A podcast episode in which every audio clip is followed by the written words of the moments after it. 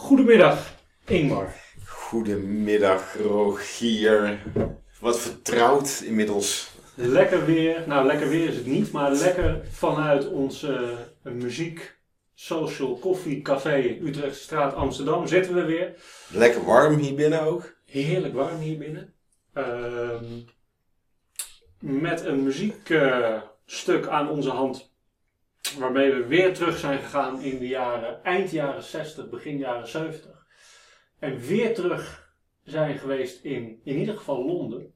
Ja. Uh, in de mu music scene van Londen, maar ook in dit geval het nummer wat over Londen gaat. Het lijkt er een beetje op dat daar in die periode bijna de beste muziek is gemaakt. Steeds als je aan het eh, zoeken bent en je aan het verdiepen bent in een nummer, dan kom je continu uit in die area waar we nu weer een fantastisch nummer in gekozen hebben. En dat, ja, dat begint eigenlijk best een rode draad te worden. Die zijn er overigens meer, dames en heren. Welkom. Uh, er is weer een rode draad gevonden, ook ten opzichte van de andere podcast die we al gedaan hebben, die jullie allemaal heel trouw luisteren. En dat vond ik wel even leuk om te doen.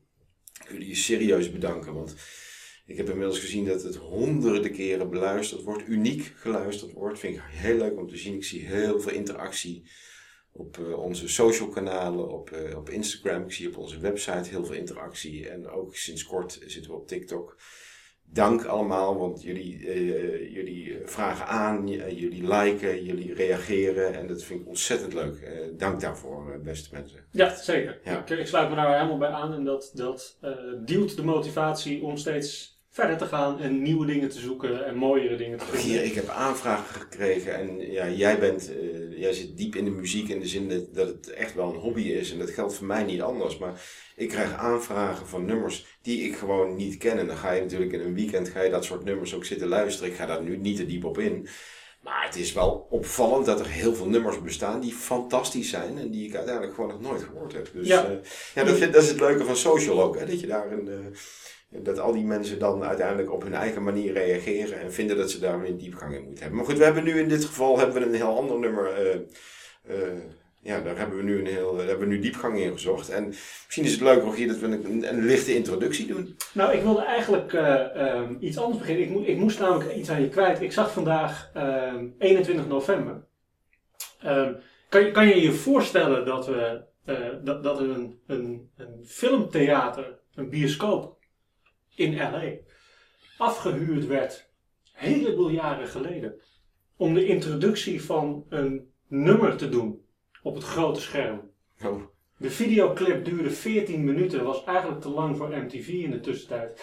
En ik herinner mij zelfs dat we, ehm, en dat was dan iets later, volgens mij op 30 november of 2 december, de introductie in Nederland maakte Countdown een speciale uitzending hiervoor, om de clip aan ons te tonen. En als ik je de eerste noten uh, uh, laat horen, dan weet jij exact waar het over gaat. Hm. Michael. Exact, kun je bedenken dat, even, even, ik las het verhaal daarachter, ik kom het voorbij op 21 november. Op 14 november speelde deze videoclip voor het eerst voor de vrienden van Michael. Waarbij hij achter, achter in de coulissen heel ver weg zat en niet naar voren durfde te komen. Bang voor de reacties. Bang voor de reacties. En het, het, het leverde uiteindelijk een, uh, van, van zijn close friends, dus, dus uh, um, Diana Ross en iedereen die daarbij betrokken was, een staande ovatie op om nog een keer te spelen die avond. 14 minuten lang. Daarna een week lang in de theaters uh, in, in LA, waar de kaartjes niet voor aan te slepen waren om die clip te mogen zien. En daarna op MTV en bij ons in Nederland op Countdown. Een gedenkwaardige dag. Oh, mooi, ja, 14 minuten, dat is nog langer dan onze, dan, dan, dan onze, of, eh, dan onze Supertramp uh, liedje van 11 minuten. Dus, ja, dus die clip duurde, duurde, ik moest aan denken, ik zag het voorbij komen. Oh, ja, Geef niet weg, wij zijn naar Londen gestuurd door een luisteraar met een fantastisch liedje. Eigenlijk een heel triest liedje. Uh, met Ralph McTell met The Streets of London. Ik, ik, als jij het goed vindt, zet ik hem even aan. Laat ik een stukje horen en dan weet iedereen waar we het over hebben. Ja.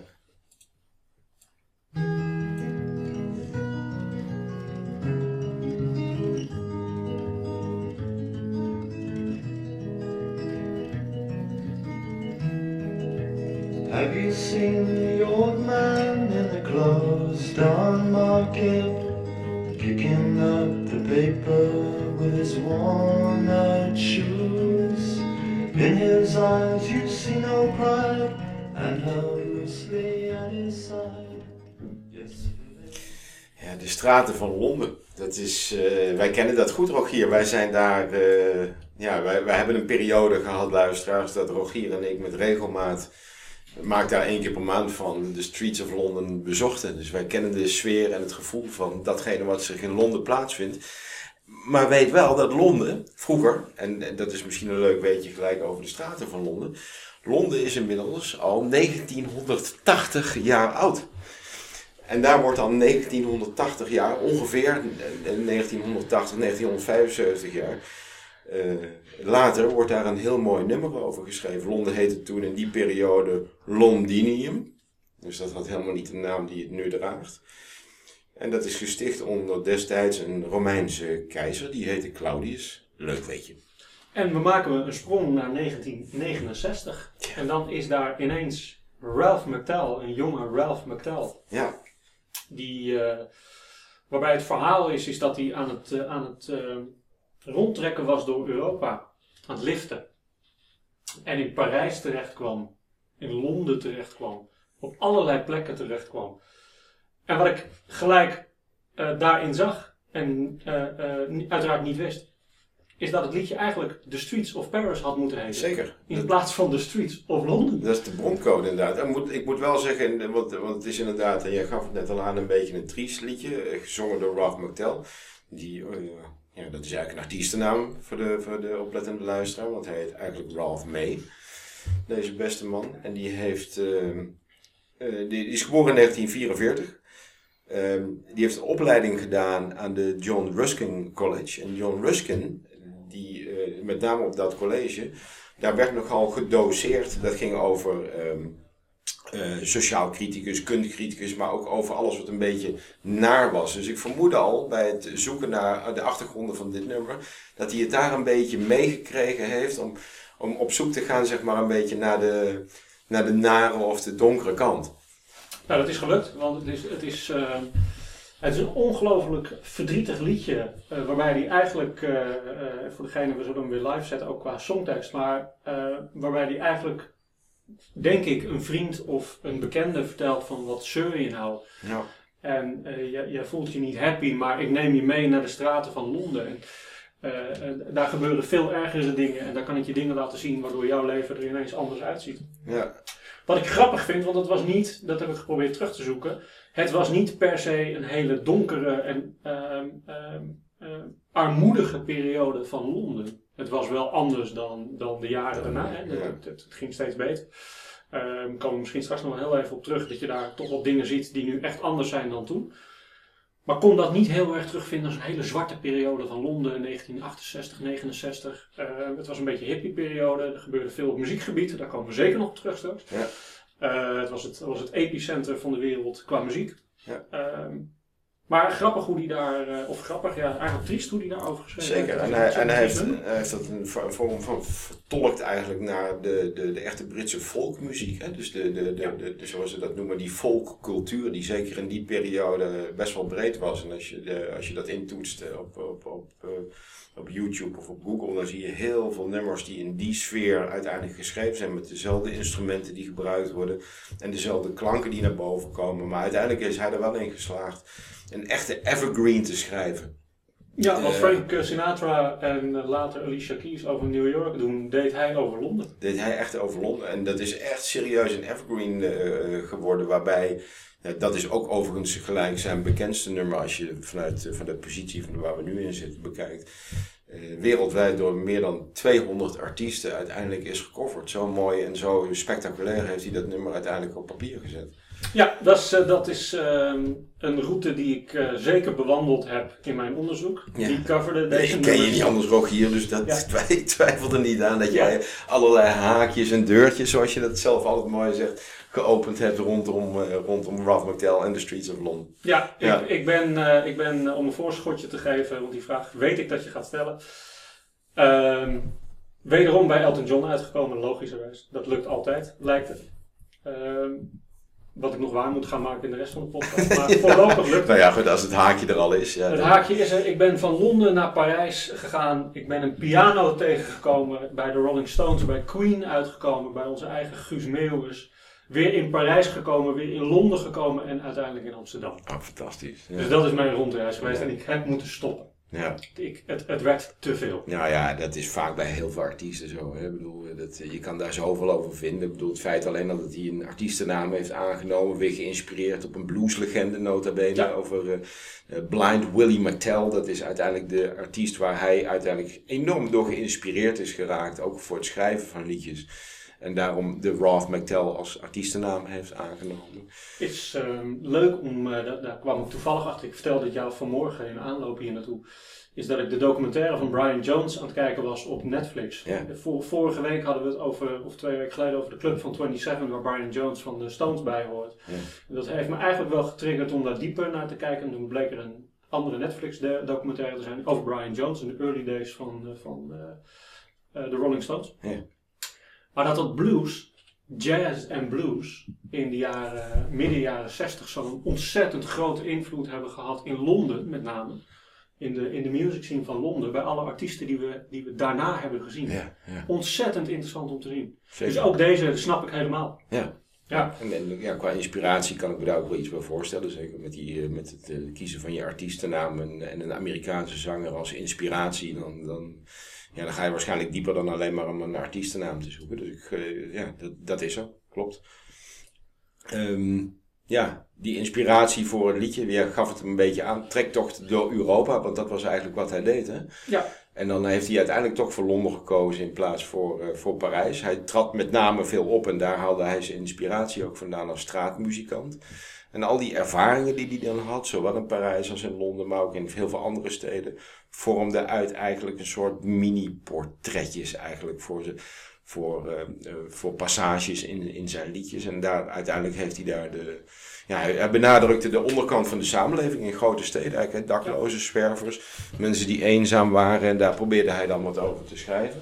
Wat mij ontzettend eh, eh, raakte in het bruggetje is dat het nu weer aan het gebeuren is, merk je om je heen. Er- er- Er gaat veel over, over, over eh, armoede en, en, en dingen die aan het gebeuren zijn. En eigenlijk kan het liedje 50 jaar later, 45 jaar later, kan die gewoon weer. Ja. Hoe triest dat eigenlijk is. Ja, dat is waar. Ik vond het een ontzettend triest liedje. Ik heb hem heel veel geluisterd. Ehm, maar op een gegeven moment dacht ik, ja, ik moet ook verder. Ehm, eh, dus ik ben naar de covers eh, gaan kijken van, eh, van Ralph McTell.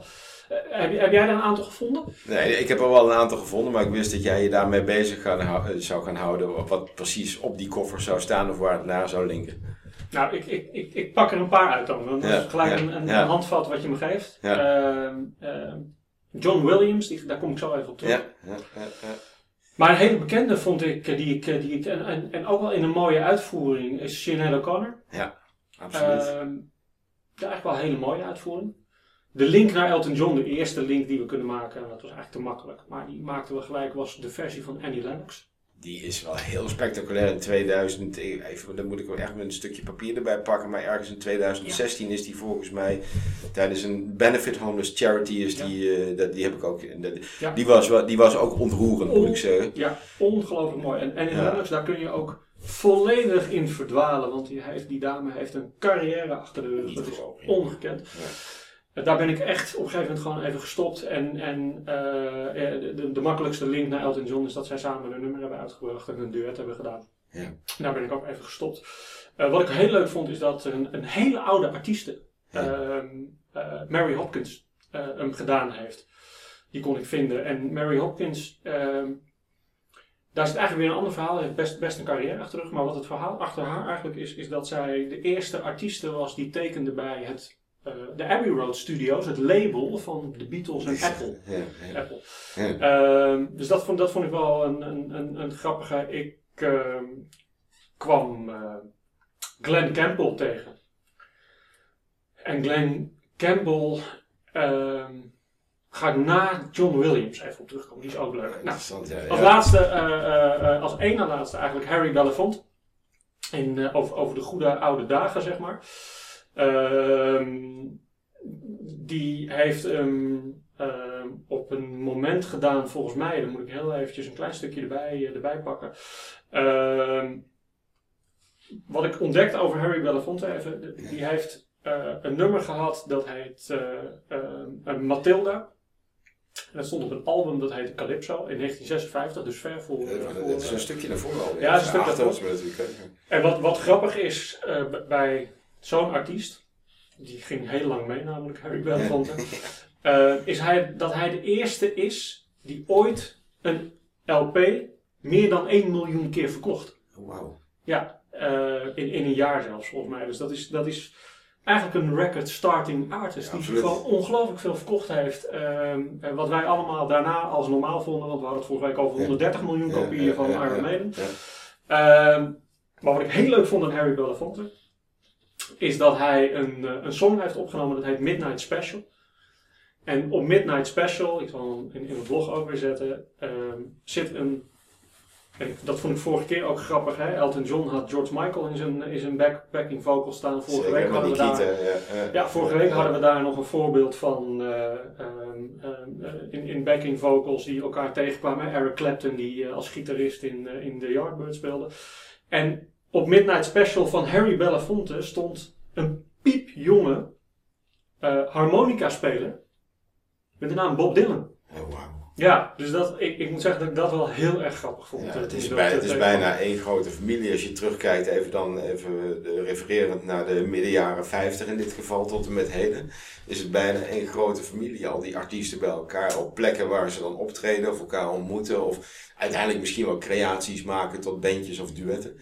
Ja, Dat is echt spectaculair, ja. Dat is echt een dingetje. Dat, eh, ik moet zeggen dat, dat ik blijf al heel erg geboeid hoe uiteindelijk zo'n liedje tot stand komt. En wat ik ook gevonden heb, en dat vond ik wel mooi, want ik denk van ja, als jij door Parijs of door Londen heen loopt, dan kan je natuurlijk heel veel zien en mensen spreken, om daar uiteindelijk een nummer van te maken. In zijn liedje eh, Streets of London spreekt hij over een market. Hè? Dat, Ja. dat, dat, dat is een onderdeel van, eh, van de tekst. En dan blijkt eigenlijk dat hij inderdaad over de Streets of London, maar de, vooral de focus heeft en ook daar heel veel kwam op een market. En dat lied verwijst eigenlijk naar, en moet ik het goed uitspreken, een Surrey Street Market in Croydon. Dat is dan een deel van Londen. En daar heeft hij het grootste deel van zijn liedje uiteindelijk ook gewoon gecreëerd en geschreven. Dat zijn die, die korte eh, stukjes eigenlijk die hij bij elkaar gevoegd heeft. En zo is de Streets of London uiteindelijk tot stand gekomen. Hij blijkt veel meer, en dat is een rode draad die we steeds terugvinden. Eh, Zijn er dingen uitgehaald of zijn er dingen toegevoegd? Hij schijnt veel en veel meer geschreven te hebben dan dat hij uiteindelijk verwerkt heeft in dit liedje. Maar heeft dat nooit of te nimmer daadwerkelijk willen uitbrengen. Tot een aantal jaar geleden. Daar kom ik zo even op. Ja, geweldig. Ja. Ik, ik was ook benieuwd naar eh, of ik dat kon vinden. Ik had het niet gevonden. Ik vind het tof om te horen dat Ja. jij daarin eh, wel ingedoken bent. Is waar, ja, waar het over ging. Welk deel van Londen. Of daar inderdaad Ja. referenties in zaten. Ja. Wat ook weer te grappig is, is dat jij toch weer ontdekt hebt dat eh, ook deze songtekst dus blijkbaar langer en anders bleek dan dat het uiteindelijk een nummer is geworden. Zeker weten. Dat is jouw rode draad per definitie in, Ja. in, in, Ja. de, in de Ja, uitzending. ik ben altijd heel nieuwsgierig ook hier, want ik bedoel, mensen, ik heb, dat, dat, dat heb ik de vorige keer ook gezegd in de podcast, mensen beginnen te schrijven en zo'n liedje komt nooit, bijna nooit moet ik zeggen, want het gebeurt ongetwijfeld. Ik weet dat het met Yesterday wel zo is, namelijk van de Beatles, maar komt nooit in één keer tot stand. En dan betekent het dus dat je heel veel passages of weglaat, of inspiratie weglaat om uiteindelijk daadwerkelijk in een nummer toe te voegen. En uiteindelijk, maar daar kom ik dan zo even op, het, in ieder geval ook de achtergrond daarvan hoe hij uiteindelijk tot de laatste passage die hij ergens in pak een beet 2009 heeft eh, gecreëerd, maar ook heeft losgelaten en uit de, wereld in geholpen heeft. Hij heeft hem nooit toegevoegd aan het originele nummer. Dus hij is niet in song daadwerkelijk ook eh, eh, naar buiten gebracht, maar hij heeft hem wel geschreven. Ja, geweldig. Ja. De, de, waar ik nog tegenaan liep was, eh, even, ik, ik had er een aantal, maar waar ik ook nog tegenaan liep was, was een, een kerel. Een, een, een, een meneer die ik niet kende, maar toch wel erg bijzonder, uniek en beroemd is. Ehm eh, kwam ik later achter, is Glenn Campbell. Eh, Glenn Campbell is een, eh, is een Amerikaanse gitarist, singer-songwriter, acteur en televisiehost. Zo, ja, je kan me wat te doen hebben. Je kan er wat te doen hebben. Maar even voor je beeld, als gitarist speelde Campbell op eh, platen van eh, eh, The Beach Boys, Sinatra, The Monkees, eh, Sammy Davis Jr., Elvis. Hm. Hij schreef samen met Elvis en, en nam de, de, de soundtrack van Viva Las Vegas op. Elvis was een goede vriend van hem. Eh, als je hem ook hoort spelen, die Glenn Campbell, op zijn gitaar, dat is ongekend. Klinkt dat, klinkt dat dan ook een beetje, nou, nee, hangt dat een beetje dan ook eh, naar Elvis of naar een andere bekende song? Nee, Glenn Campbell was, is dermate goed dat hij eigenlijk gewoon alles kan Ja, spelen. ja. Dat is, hij- eigen ik zag hem in een video eh, in, met, met een, met een eh, country eh, gezelschap 10, 15 grote country artiesten samen zaten. En Glenn Campbell werd even gevraagd om toch dan even op zijn manier even iets te spelen. En die jongens, grote namen, zaten allemaal met hun mond open te kijken naar wat hij met zijn gitaar doet. Dat is ongekend. Hij is later een show gaan presenteren in Amerika, dat heet Glenn Campbell Good Time Hour. Waar hij de grootste artiesten van de wereld even over liet komen om even bij hem op bezoek te komen. Van Neil Diamond tot Diane Warwick tot aan de Beatles, Tuurlijk. tot aan Ella Fitzgerald. Ja, eerste linkje. waar er Interessant lijstje om even uit te nodigen. Ja. we hadden het er straks over. Met Ella Fitzgerald komen we vanzelf in Parijs. Dus Parijs komt eraan, don't worry. Die, die, die maken we vanzelf. Ja. Ehm, maar dat vond ik een. eh, daar ben ik even in verdwaald. Even wat ik al elke keer zeg: van als ik op onderzoek ga, dan verdwaal ik ook af en toe in, eh, in, in muzikale reisjes. En Ja. daar soms, eh, soms even weer een stop op zetten. Maar Ja. Glenn Campbell was een, eh, eh, een, uniek figuur die ik tegenkwam waar ik de achtergrond eigenlijk niet van kende. En de grap is, dat gebeurde dan weer heel erg in Amerika en niet zozeer in Londen. Eh, Wij, wij moeten onze eigen podcast eventjes gaan terugluisteren, Rogier, om al dat soort haakjes eens in beeld te brengen en vervolgens diepgang te zoeken in de dingen die we uiteindelijk, waar we achter komen tijdens de zoektocht naar Ja. een specifiek nummer. Daar kan, je, daar kan je een hele podcast op volschrijven. Ja, absoluut. Dus eh, laatste hobbeltje naar covers en dan gaan we weer door. Ehm, Ik ga nog een aanvulling maken, zal ik op mijn, eh, op mijn eh, eh, inspiratie van de marketing Croydon. Maar, die die Ja. krijg je zeker. Ja. Ik wil je één liedje even laten horen en de luisteraars ook. Ehm, want we, dan komen we toch in Nederland. je merkt dat we veel hebben ook. Ja, we hebben veel. We moeten, ook, eh, we moeten ook goed door. Ja. Ik laat je deze nog even horen. Ja, het is wel leuk om Ja. een, een andere versie van The Streets of London eh, te horen van een, een groot Nederlands artiest.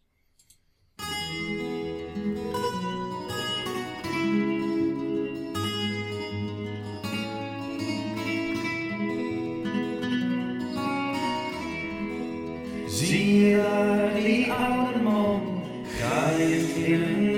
Onze Brabander, hè? Is dat?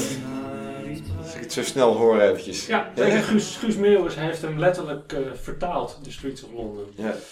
Ehm, Maar dan ga ik jou toch nog een andere vraag stellen. Welke andere Nederlander, Nederlanders moet ik even zeggen, hebben hem nog meer gedaan? Nou, dat weet ik niet. Ik heb één andere Nederlander die hem heeft gedaan. Maar jij zegt Nederlanders, dus die bedoelt hij niet. Dus die zal ik zo meteen nog voor jou bewaren. Eh, maar hier moet ik het antwoord schuldig blijven. Nee, nee, nou goed, ik heb, ik heb, eh, ik heb daar toevallig ook een, eh, een haakje in gevonden. En het, het was Guus Meeuwis en Van Gant even Ja. voor de Ja. oplettende luisteraar. Want uiteindelijk heb je ook Guus Meeuwis als oude single-artiest natuurlijk. Ron Brandsteder heeft hem gezongen. Met de titel De Zwerver. Oké. Geweldig. En wie hem uiteindelijk gespeeld hebben, en niet gezongen, maar wel gespeeld. En ik moet heel eerlijk zeggen, misschien dat ze hem wel gezongen hebben. En daar ken ik de zangkwaliteiten dan weer niet van. Dat zijn, en nu gaan we even terug, dames en heren, Watch Your Back, Pim Jacobs en Louis van Dijk. Oh. En die hebben de Streets of London echt uitgebracht als, eh, eh, ja, als muziek. Maar piano dan? Dat is piano, absoluut. Nee, Dus ja, Pim Jacobs is, een- eh, was, eh, moet ik zeggen, versmolten. En overigens Louis van Dijk ook, was versmolten. Maar het is een typisch gitaarnummer. Het is een, en sterker nog, wat jij nu laat horen, en daar wil ik wel weer ook even diepgang in zoeken, is denk ik een 12-snarige gitaar. Want dit Nee, klopt. zeker niet. Nee? Nee, Was dat gewoon een six-string? Ja, ik heb, eh, ik heb nog een link naar een Nederlander gevonden die, die een fantastisch liedje over heeft gemaakt. Ja. Ehm, ik zet hem aan. En op zijn eigen manier verbouwd heeft, namelijk Herman van Veen. Oh. En dan heet het liedje Fiets. Hey, kleine meid, op je kinderfiets. En dat kan maar één iemand kan dat verbouwen en dat heet Herman. En, en die heet Herman van Veen. Oké, Eh, maar nu kom ik dan toch er even overheen. Ik weet het. Ja. Die had ik dan even in mijn achterzak zitten. In 1975 heeft een grote man in Nederland de Nederlandse versie van het nummer gemaakt. En dat heeft hij genoemd Donker Londen. Dat heeft hij gemaakt als onderdeel destijds van een Caro Cabaret eh, omgeving. Dat heette Cursief en dat was Gerard Cox. Oh, wauw. Ja, Ja, die heb ik niet gevonden. ja. Ja, geweldig. En, dat is, eh, en uiteindelijk, hè, we gaven het in het begin van de podcast al aan. Het zijn eh, meer dan 200 artiesten die dit wereldwijd hebben. En Annie Lennox is al voorbij gekomen, gecoverd. Ehm, maar staat bij lange na niet, ook al is het 200 keer gecoverd in de, in de meest eh, gecoverde platen ooit. Waarbij uiteindelijk Dusty Springfield komt daarin voor. eh, Bill Withers komt daarin voor. Careless Whisper van George Michael komt daarin voor. Een van de meest, en nou ga ik de top 4 in, dat is John Lennon met Imagine. Simon and Garfunkel, Bridge over Troubled Water, Leonard Cohen met Hallelujah. En op nummer 1, de meest gecoverde tekst en de meest, het meest gecoverde liedje is Yesterday van de Beatles. Ja. Ja, Nou, kan- Beatles komen we ook nog wel even op. ja, dus uiteindelijk is dat, maar goed, het is bijna ook niet raar hè, dat, dat, de top, dat hij niet in de top 10 staat. Maar ik vind 200 keer gecoverd, vind ik op zich wel heel spectaculair. Dat, eh, uiteindelijk, ehm, ik had het net over, over Croydon, waar hij uiteindelijk zijn meeste inspiratie vandaan haalt. Als ik even zo even tussendoor mag. Ja, zeker. Hij is, eh, eventjes, Ralph McTell is geboren in Croydon. Dus vandaar dat hij ook daar vaak op die markt zat. En hij zingt dus eigenlijk over de markt in zijn geboorteplaatsje. Ja. Eh, is geboren in een, in een arbeidsgezin in Zuid-Londen, eh, einde Tweede Wereldoorlog. En uiteindelijk zijn vader, die, en dat hebben we ook een aantal keer meegemaakt, dat veel artiesten uiteindelijk opgroeien in een omgeving waarbij de vader in het leger zit. Of in ieder geval daar in, aan, gelinkt is. Ehm, en daar heeft hij ook uiteindelijk samen met zijn vader over gesproken. Angst voor daklozen. En daar heeft hij een deel van zijn inspiratie, en dat zie je dus later terug in het liedje, heeft hij daar vandaan gehaald. Ehm, ja, je bent natuurlijk misschien ook wel een beetje nieuwsgierig naar, die, eh, naar, die, eh, naar dat extra eh, stukje wat niet in, de, in het liedje zelf zit, maar wel uiteindelijk als tekst geschreven is. Uiteindelijk is hij, had hij een buurman, dat is een buitenlandse correspondent was dat. Die man die hield heel erg van ballads uiteindelijk ook een legende uit de Britse folkmuziek. Het resultaat was uiteindelijk dat Ralph McTell instemde met deze man om uiteindelijk een nieuw couplet te gaan schrijven op zijn legendarische hit The Streets of London. En die man die heeft op een gegeven moment aangegeven, luister, ik heb, eh, ik heb daklozen gezien, je moet daar iets over gaan schrijven. Ehm, wil je dat alsjeblieft doen? En toen heeft hij gezegd van nou, ik ga dat uiteindelijk doen. Dit is een bijzonder moment, geef me de kans om erover na te denken. En de nieuwe versie, ja, die is uiteindelijk, en dat begint in Shop Doorways, Under the Bridges. En daarna gaat hij een stukje vertellen. En ik denk dat we dat even op de website moeten zetten. Gaan we op de Ver- website. Vertelt hij een stukje over datgene wat hij weer heeft meegemaakt. Veel later dan dat hij ooit dat nummer geschreven heeft. Grandioos. Ja, ik, ik nogmaals, ik, eh, het, het, eh, het liedje greep me, dat is één. En twee, eh, wat ik al zei, het bracht me heel erg naar een periode die we nu een aantal keren hebben, hebben voorbij zien komen door de keuzes die we hebben gemaakt. Hè? Elton John, The Doors, ook Supertramp toen al, Iron Maiden, Londen. Ja, zeker, ja. ja, ja. Ja. Nu Ralph McTell, Londen. Er gebeurde veel tussen zeg maar 66 en, en, en 73 in Londen. Ehm, en daar ben ik ook weer terecht gekomen. Dat komt een beetje door, door, door het nummer Fiets van Herman van Veen. Oh, Toen, toen dacht ik, oh ja, we, we hebben nog een nummer met een fiets. eh, van een iets Ja. grotere band dan, eh, dan eh, Herman van Veen, namelijk Ja. van Queen, Bicycle Race. Ja. En dan ben ik ook gelijk bij, bij de producer van Elton John's albums, Gus Dudgeon. Ja. Eh, die heel veel te maken heeft gehad ook met, met, met een, een eerste deel van Queen zijn opnames. Eh, maar wat eigenlijk een leuker linkje is, en, en toen kwam ik op een pad en dan ga ik je wel even in ja, ik ben, ik ben en aandacht en ik dient alleen, denk ik. De, de producer van Bohemian Rhapsody is Roy Thomas Baker. Grandioos, waanzinnig groot eh, producer. Ja, die heeft, die heeft wel wat op zijn naam staan, Roy Thomas Baker. En die was in die tijd de leerling, de assistent van Gus Dudgeon. Dus die heeft meegewerkt aan de eerste platen van Elton John. Nog net geen Racked White, die is lastig, maar net de periode daarna dat er de albums kwamen. En toen zag ik eigenlijk een hele leuke eh, overeenkomst in dat verhaal. Dat brengt me ook weer naar dat Londen van toen. Is namelijk de studio's van Londen waren natuurlijk Ja. zijn, waren wereldberoemd. Ralph McTell zijn, zijn eh, nummer is opgenomen in de Regent Studios. Kom ik zo nog even op. De meeste platen toen de tijd de belangrijkste studio was, waren eigenlijk twee. Trident Studio en Abbey Road Studios. Abbey Road van de Beatles. nou ja. Maar Trident Studios was eigenlijk boven de Abbey Road Studios. Waarom? Omdat Trident al een 8-track record, eh, speler of een mixer hadden, dus acht sporen. En dat had Abbey Road Studios nog niet. Dus er zijn ontzettend veel platen opgenomen eh, in Trident Studio. Dat, dat is, als je ooit naar Londen gaat en je kan daar naar binnen. Nou, dan laten we dat alsjeblieft Volgens mij is het af. Ik weet niet wat er is. Maar Nee, ik, ik weet, ook ik weet dat. Nee. Regent Studios is eh, waar, waar Ralph McTell op, opgenomen is. Die bestaat nog steeds, maar dat is een gitaarwinkel. Eh, maar Trident Studios is, is, ja, is helemaal legendarisch. En toen kwam ik op een verhaal over een piano. Hmm. Wat maakt nou Trident Studios legendarisch? Behalve dat de, de meest beroemde artiesten hun, hun platen daar hebben opgenomen. Is dat er nog iets anders bijzonders is aan Trident Studios. In de studio stond een piano van ruim 100 jaar oud.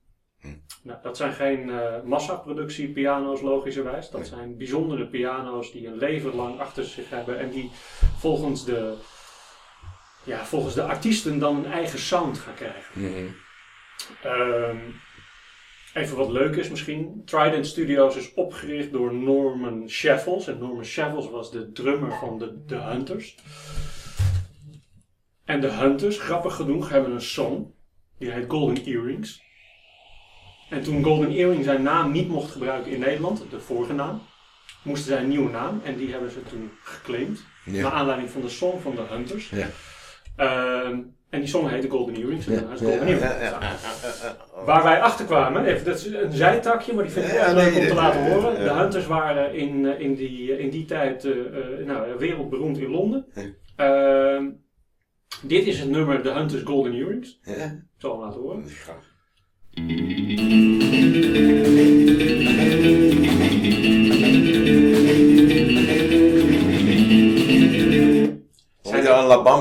Nou, we hebben nou ja, wij noemden het een Leo Blokhuisje. Ehm, wij, hebben, eh, wij hoorden La Bamba, ik zal hem even erbij halen.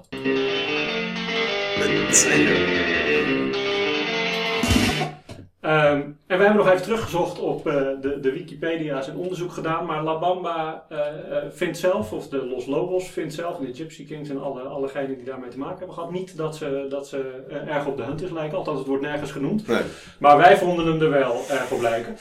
hij, hij klinkt wel heel dichtbij. Is een afleidend verhaal waar ik het over had. Ja, daar stond een, een handgemaakte 100 jaar oude Bechstein piano. Ja. En nou, dat stond, die stond midden in de studio's, dus het was een pronkstuk van de studio's. En die werd ook eh, eh, naar lust eh, gebruikt door de artiesten. De Rolling Stones, Elton John, nou ik kan je er een paar noemen. Maar wat ik eigenlijk wil doen, is ik wil je even iets, of de luisteraars iets laten luisteren. Ja. Want ik ga je vertellen, je herkent deze piano. Hmm.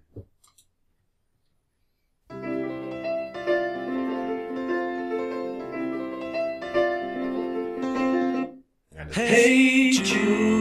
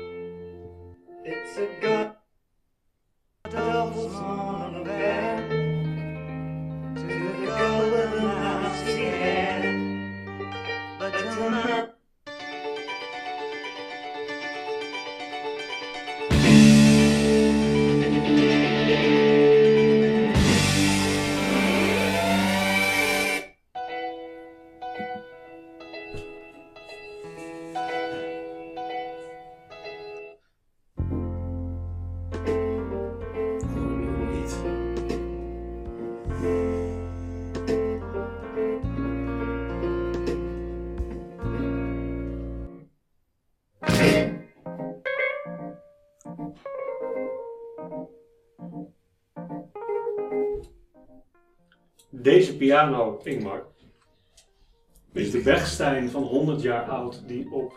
En als je hem eenmaal herkent, dan herken je hem ook. Hij had zo'n bijzondere sound, is dat er speciaal naar deze studio boekingen werden gedaan, reserveringen werden gedaan, platen werden neergezet. Om maar met deze Bechstein nummers, je hoorde voorbij komen, Queen, Elton John, eh, David Bowie, Supertramp. Niet te geloven. Maar Dit- is deze piano ergens, staat hier? Nou, daar gaan wat Eh, geruchten. Wat een haakjes jongens. Ja. Dit, dit wordt, dit wordt een, eh, bijna een, een dagtaak om hier achter Ja. te komen. Nou, dit, er zijn wat geruchten. Er zijn twee, er zijn twee verhalen. Eén het verhaal is, hij is eh, omhoog gehezen in de midden jaren 80. Toen naar beneden gekomen. en toen naar beneden gekomen in tweeën. Dat is het ene verhaal. Ja, En het andere verhaal is, is dat hij in het bezit is van Roy Thomas Baker. ja, ja dat Die vind dat ik een... Ongetwijfeld eh, ontkend. en daarna het verhaal de wereld in geholpen heeft dat hij gevallen is, zodat niemand bij hem komt kijken of eh er achteraan gaat. Ja, dit is een... eh, Ja. ehm, ja, dit is een legendarische piano. Fantastisch. Waar zoveel mooie nummers op gemaakt zijn. En als je hem... Ze, ze noemen het een specifieke sound. En als je erop let, dan hoor je het in de Nou, ik moet zeggen, ik heb geen absoluut gehoor, maar als je het zo achter elkaar speelt, dan klinkt het identiek inderdaad. Ja, dat is wel heel bijzonder. Dat mensen, ja, ik kan me er ook wel iets bij indenken dat je op die piano wil spelen. Ja. Alleen dat al is bijna een marketinginstrument om naar buiten te gaan. Dat is fantastisch. Ja, nou zo werd hij ook, eh, zo werd hij ook eh, geboekt, de Ja. piano Ja, en de natuurlijk. studio. Ja. Ehm, eh, en wat, wat leuk is, daar hadden we het vanmorgen even over. Wij hebben hier een kleine muziekkamer waar eh, twee prachtige Tannoy luidsprekers staan. Ja. Ehm, eh, en, en Tannoy is ook het merk wat, eh, wat, eh, wat in de studio's van Abbey Road en Trident stond. En John, of, Paul McCartney zegt ergens in een, in, een, in een artikel van de sound van de piano van Trident Studios en het genot wat ik altijd had als ik het daarna mijn gespeelde deel hoorde op Tannoy luidsprekers in Ja. Trident Studios. Ja. Dat was legendarisch. Ja, en het is legendarisch, luisteraars. Ik heb, ik heb het zelf ook even mogen ervaren. En dan in dit geval met een, eh, met een nieuwe versie van November Rain van Guns N' Roses. Nou ja, en ik ging in de stoel zitten. Rogier heeft, eh, heeft dat nummer even aangezet. Eh, jullie kennen allemaal wel dat kippenvelgevoel. Dat als je iets hoort, dat je denkt, wow, dat komt echt binnen. En de- dit is echt, hier wil ik wat langer naar luisteren. En over die boxen heen was dat echt, een- dat was echt een spectaculaire ervaring inderdaad. Ja, we hebben altijd veel lol met het voorbereiden van onze. Dus inderdaad. Paul, ik begrijp je helemaal. Hè? Ja, wij, wij, wij begrijpen je. elkaar. Ja, wij begrijpen elkaar, Paul. Even, ehm, Ralph McTell nam op om, eh, in, in Regent Studios, niet, niet heel veel verder daar vandaan. Ehm, dat is inmiddels een gitaarwinkel eh, geworden in de loop van de jaren. Maar wat wel erg leuk is, is dat eh, Regent Studios eigenlijk net zo beroemd is. Daar nam namelijk onder andere de Stones hun eerste eh, album op. Ehm, en dat kwam eigenlijk doordat eh, de, de eigenaar van Regent Studios was James Baring. En het was een lord in, eh, in, in Engeland. En met een, met een hele rijke familie, de, de Barings family. Ehm, en die was goed, goed bevriend met de Beatles en de Stones. En kregen dus voor elkaar dat de, onder andere de Stones daar dus hun, eh, hun eh, platen gingen opnemen. Maar ook degene die we vorige week tegenkwamen, de Yardbirds, waar Eric Clapton eh, achter stond te spelen, die namen hun platen daarop. Dus dit, was een, dit, dit is een linkje met, ja, met heel veel muziekgeschiedenis, zowel Regent Studios als Trident en natuurlijk Abbey Road Studios, wat, wat ook. Het is, een- het, het- is een, een, een, een, een spectaculaire haakjes zijn het. Ik ben bijna Ralph McTell kwijt. We zijn bijna wel met elkaar. Maar heeft, heeft hij ook nog een linkje met die desbetreffende piano dan? Of was dat uiteindelijk iets Nee. waar je terecht kwam door de zoek? Ik vind dit wel spectaculair zo zoek. Nee, de dat zoektocht kwam in Londen uit. Ja, de zoektocht dat- kwam dat- in Londen ja, uit. Dat is, Eh, dat, dat is het natuurlijk wel. Ja. Wat wel een heel leuk linkje nog naar Ralph McTell is, is er is een, eh, er is een keer een claim geweest van eh, plagiaat van het nummer. Door niemand minder dan eh, Al Stewart. A Year of the Cat, om maar zo te noemen. Ja. Ehm, eh, groot, artiest natuurlijk. Dus die, die, eh, zijn platenproducer zei van ja El, eh, dit, dit, dit lijkt op, eh, op het nummer Troubadour. Ehm, en dat is hetzelfde toon en dezelfde opzet. En in plaats van juristen, en dat is natuurlijk een fantastisch verhaal, zei El, weet je wat, ik bel Ralph wel even. Ja. En dan hebben we het er even over. En samen kwamen ze tot de conclusie dat het zeker geen eh, plagiaat was en dat ze gewoon een andere interpretatie van eh, diverse noten hadden gehad. Ehm, maar dat bracht me ook heel even bij Al Stewart, Ja. Londen, Ja. diezelfde tijd. Ja. Ehm, Al Stewart ehm, speelde op eh, het Glastonbury Festival in 1970. En wat ik niet wist, maar hij kende Yoko Ono voordat John Lennon Ooit eens een Die ook keertje een kennen. knipoog af, ja. Ja, die, en, en die kenden elkaar ook weer goed. En wat ik ook wel grappig vond, is Al Stewart deelde toen de tijd een flat in Londen met Paul Simon. Ehm, is verder gegaan met ehm, ehm, zijn carrière, zijn begincarrière in Londen, waar hij op allerlei plekken optrad. Maar waaronder iets wat heet de, eh, de Le Cousines Folk Club in, in Greek Street. En daar speelde hij samen met Cat Stevens, onder andere Van Morrison, Paul Simon uiteraard, maar ook Ralph McTell. En zo kenden de twee elkaar. dus. Dus die hadden al een, eh, die hadden al een, eh, een, eh, een achtergrond samen. En dan kom je terug in de jaren, eind jaren ze- 60, begin jaren 70 in Londen. Ja. Allemaal kleine haakjes en linkjes naar elkaar. Want een van zijn eerste singles die Al Stewart produceerde, deed hij samen met The Yardbirds. Daar had je het voor. Ja. Ja, En ehm, wat wel heel tof is, is daar eh, eh, eh, op dat album van zowel The Yardbirds als van Al Stewart speelde een groot gitarist, namelijk Jimmy Page, die later Led Zeppelin oprichtte. ja, dat- Dus Dit- is de jaren 60 in Londen. En dan zo'n verlegen Ralph McTell daartussen, want dat was het uiteindelijk. Dat Dat, was was een hele verlegen, rustige man die zelfs twijfelde of hij überhaupt het nummer Streets of London uit moest brengen. Omdat hij zei van ja, eigenlijk is het een heel deprimerend nummer slash deprimerende inhoud. Zal ik het wel doen? Een van de redenen dat het pas op het tweede album terechtgekomen is Ja. en niet op het eerste album. Ja. Want hij had op het moment dat hij zijn eerste album uitbracht, had hij dat nummer al klaar liggen. Ja, want hij Dus- stond in, pas in 1972 in de hitlijst in Zeker, nou, absoluut. Het- het- In die periode werd het pas een serieuze, een serieuze hit. Dus, Ja, dat, klopt. dat, eh, dus hij was daar. De, maar je kan je nagaan dat zo'n verlegen man toch in, in, in, het, in de omgeving van grootheden uiteindelijk eh, ja, ook groot geworden is. Ja, Ja. Mijn, eh, mijn volgende zoektochtje, eh, omdat het over Londen ging, dacht ik, nou, laat ik eens kijken welke nummers er nog meer over Londen gemaakt zijn. Wat ik een erg leuke Ja. oefening vond. Ja. Eh, en daar zijn best wat, wat eh, dingen te vinden. Hè. Dat is dus eh, even Blessed van Simon Garfunkel gaat Ja. over Londen. Is een David Bowie song die over Londen gaat. The Fool on the Hill van de Beatles is van, gaat over Londen. Across the River Thames zijn we weer bij Elton John. Zeker. Gaat over Londen. Eh, West End Girls, Pet Shop Boys, iets later. Dat is ook wel leuk, gaat over ja. West End, ja. Ehm, en toen dacht ik, ja, welke, welke steden en, en, en plaatsen worden er nou nog meer eh, eh, bezongen door grote artiesten? En toen dacht ik, even laat, laat ik eens teruggaan naar de artiesten die wij al hebben gehad. Eh, ehm, ja, hebben die, het ook, hebben die dat ook gedaan? Nou, Elton John was makkelijk, hè? dus die had er al. Die had er al. Ehm, Supertramp heeft een nummer over Hollywood. Ja. Gone Hollywood. Ja. Ehm, Iron Maiden eh, heeft heel veel nummers. Want die zijn Londen en Soho. En Zeker. die- Ja. daar zit dus niet één specifiek nummer, maar die zijn.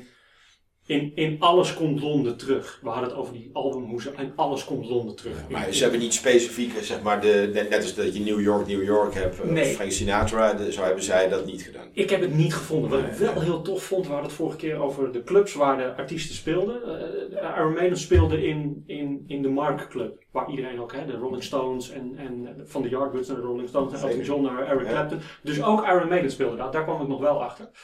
Ehm, en wat ik heel erg, eh, heel erg eh, grappig vond, ehm, ja, de Doors hebben er ook twee. We hebben Alabama Song, natuurlijk gaat, gaat, gaat niet helemaal over Alabama. Nee, over maar de, de link is er. Ja. LA Woman. L.A. Woman.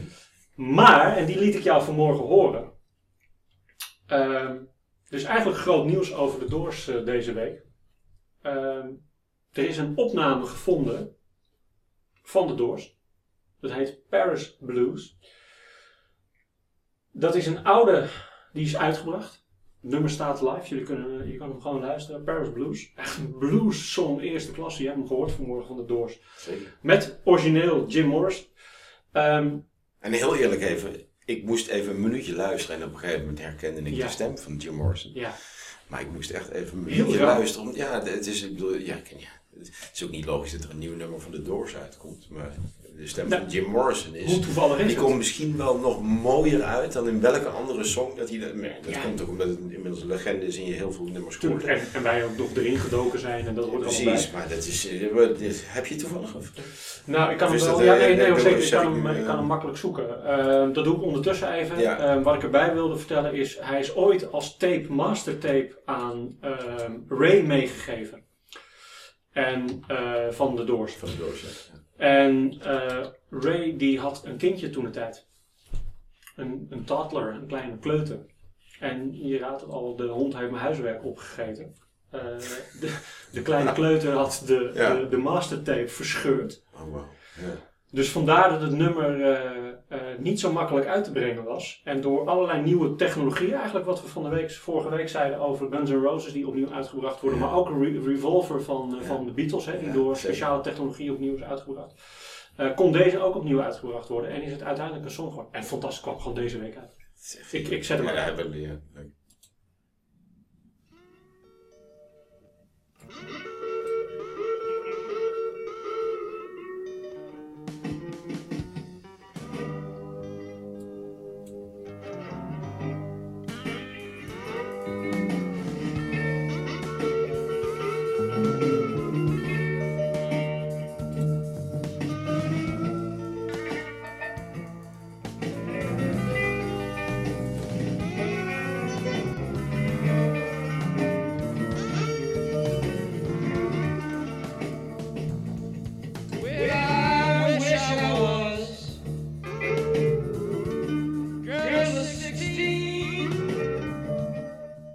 Zetten hem in het blog erbij. Ja, je moet hem er echt bij zetten. Ik ga hem ook luisteren. Ik, ik moet ook een beetje denken, ik bedoel, dat is inmiddels wel twintig jaar geleden dat ik met een stel goede vrienden naar Parijs ging en uiteindelijk in een, in een wat roker jazzcafé terecht kwam.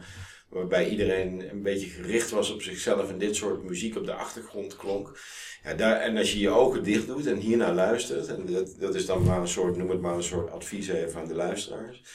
Dat zou je voor de grapjes moeten doen. Dan word je helemaal meegenomen in die tijd. Ik, vind het, ik hoor hem nu voor de tweede keer, want je liet hem vanmorgen horen. Maar ja, de- bizar. Echt fantastisch. Ik, ik vond het geweldig om te Ja. ontdekken. Een nieuwe, een nieuwe The Doors song is, eh, is per definitie eh, eh, ja, fantastisch. Ja, absoluut. Ja. en, en, en een heel bijzonder nummer. Ik, ik, heb, ik heb nog even nog een, misschien even de laatste feitjes even over onze, onze koning Ralph McTell in Streets of London. Op een gegeven moment heeft hij een, flink wat sale gehad zeg maar, op zijn plaat. Bereikte uiteindelijk op basis van die hoge verkoopcijfers eh, de, de Britse hitlijsten. En daarvoor heeft hij een, eh, een zoals dat heet, een, een Ivor No Vel Award gekregen. En eh, de, de- ook wel bekend als de, de Ivor. Ja. Ehm, een van de weinige prijzen overigens die hij ooit gevangen heeft. Dat heeft hij uiteindelijk in, in begin jaren 70 heeft hij die in ontvangst genomen. Eh, de Silver Disc wordt het volgens mij ook wel genoemd. En dat is een van de grootste commerciële successen. Op een gegeven moment verkocht hij meer dan 90.000 albums per dag. Ja, even, Bizar, hij is vooral met dit nummer veel groter geweest dan iedereen zich beseft. Ja. Eh, wat mij ook wel bracht bij, en dan, dan, dan komen we terug in Amsterdam. Wat mij ook wel bracht bij andere nummers van eh, Ralph McTell, en bij heel grote toeval, maar dat is onderzoek natuurlijk, kwam ik op een nummer dat heet La Grande Affaire van Ralph McTell. Ja. En dan zou je denken dat gaat over Frankrijk en Parijs, maar ik zal je een stukje van de tekst meegeven. Take a boat, maybe a plane, anywhere now except Greece or Spain. For sure I know where I am, I see canals, this is Amsterdam. I got friends here and they know, they can say who I am. Dat nummer gaat over Amsterdam. Ah, mooi. Ehm, hij was sowieso een waanzinnig, hij heeft als allerlaatste een waanzinnig schrijver, ehm, tekstschrijver. Ik, ik, wat mij heel erg pakte in het nummer, en degene even nogmaals, luister het nummer vooral nog een keer en nog een keer en nog een keer. Ehm, wat mij heel erg pakte was het laatste couplet in eh, The Streets of London. Daarin zegt hij, ik zal hem ook voorlezen. In our winter city, the rain cries a little pity. For one more forgotten hero and a world that doesn't care. Vond ik zo'n ongelooflijk mooie tekst. En dan wil ik dan, dan als, ik de, als, je de- als ik de vrijheid heb om daarop af te sluiten. Want in het echte laatste compleet, zoals al gezegd in deze podcast die geschreven is, Die ben jij. is de daadwerkelijke laatste zin. En ik denk dat die toepasbaar is, lieve mensen, op alles wat we nu met z'n allen aan het doen zijn in deze wereld. We all in this together. We all brothers, we all sisters. You and I. Fantastisch. Nou, poëtisch, ik had het niet zo kunnen schrijven, maar wat, ja, de, poëtisch. Ik Nou. denk dat we, dat, we, dat we moeten opmarcheren naar, eh, naar eh, ja, ik vind het mooi. Ik vind het mooi Ja, dat raakt. En ik, vind, ik denk dat, het, dat we op moeten marcheren naar iets wat ook heel erg raakt, waar ik natuurlijk een klein beetje al eh, van weet wat voor aanvragen er gedaan zijn. Dat, Ja. is, dat is onze volgende podcast, Rogier. Ja, wij, wij eindigen in Amsterdam met een paar fantastische teksten eh, over Ralph McTell. En daarmee sluiten we Ralph McTell, het hoofdstuk Ralph McTell ook af. Eh, maar het ging over Londen, Parijs en Amsterdam in dit verhaal. En hoe toepasselijker kan het zijn, is dat een van onze luisteraars, Sturs, Ja. Femke, mij eh, eh, vroeg: ehm, ehm, mag ik eh, een, een nummer aandragen, uiteraard. En hoe leuk is het, we komen bij een Nederlandse band, Frank Boeien. Met een nummer dat niet over Nederland gaat. Namelijk, zij vroeg, kunnen jullie winter in Hamburg doen? Ja. Nou, dat kunnen wij. Dat weet ik niet. We gaan op onderzoek uit. Ik ken dat nummer helemaal niet zo goed, Rogier. Nee, Winter dus, in Hamburg. Even, even nog een kleine ode aan, aan dezezelfde Femke. Die appte mij, eh, of stuurde mij een berichtje over, ik weet, vorige week hadden we een, eh, een, een stukje, hey, waar lijkt dit nummer op? Ja. Weet je nog? Ja. Eh, die stond eh, in, Ja, ja, onze, ja, in, onze, in onze podcast. En zij eh, appte mij eh, van, ik weet denk ik waar het ook op lijkt. Jij zei Kansas Dust in the Wind Ja, mij. dat was mijn allereerste reactie. Ja, zij zei, ik hoor Radiohead. En dan... En welke dan? Je Karma Police. Als je die opzet. Police. En ik moet zeggen, Ja, ja, ja, it's close. Ja, ja, die zou ik even naast elkaar moeten horen. Maar ik ken dat nummer van, eh, ja, die ken ik, Karma Police. Die ken ik goed. Maar ja, eh, eh, eh, als er nog andere suggesties zijn, dan zijn ze meer dan welkom. Maar ik vond deze naast Kansas Dust in the Wind, die, je- die je volgens mij toen al, al, al aanraakte, direct als eerste reactie, vond ik dit ook wel een hele mooie. Ik denk dat wij, ja, Kansas jaren 70. Frank Boeien gaat iets over het midden van de jaren 80 heen. Even zo uit mijn hoofd. Ehm, ja, dat wordt een reisje wel zeg. Frank Boeien. Wow, die heeft ook nog een paar interessante teksten op papier gezet. Dus dank, ik heb er zin in. We Ik gaan ook. ons voorbereiden. Ja, Eh, ja. Ik wil wederom eh degene die het tot het einde van de show weer hebben gered, eh, alle luisteraars, bij deze ontzettend bedanken. Zeker, ja. Eh, Ja. En wij gaan ons onderdompelen in Frank Boeiengroep. En stop niet met, met aanvragen doen. Degene die, die onze accounts volgen op Instagram, maar met name even op TikTok. Er staat een vraag uit welk kerstliedje wij moeten gaan reviewen. Of in ieder geval waar we diepgang in moeten zoeken. Het lijkt mij heel leuk als een van onze luisteraars daar met een enorm interessante eh, suggestie komt. Er zijn er Dus- nog dus- dus- vele. Ja, daar zijn, er, daar zijn er nog wel wat van gemaakt. Ja. Ehm, Ja. ja, bij deze Ingmar dank. Ehm, en, Rogier, en dank. Alle luisteraars dank. Zeker. Tot volgende week. Tot volgende week.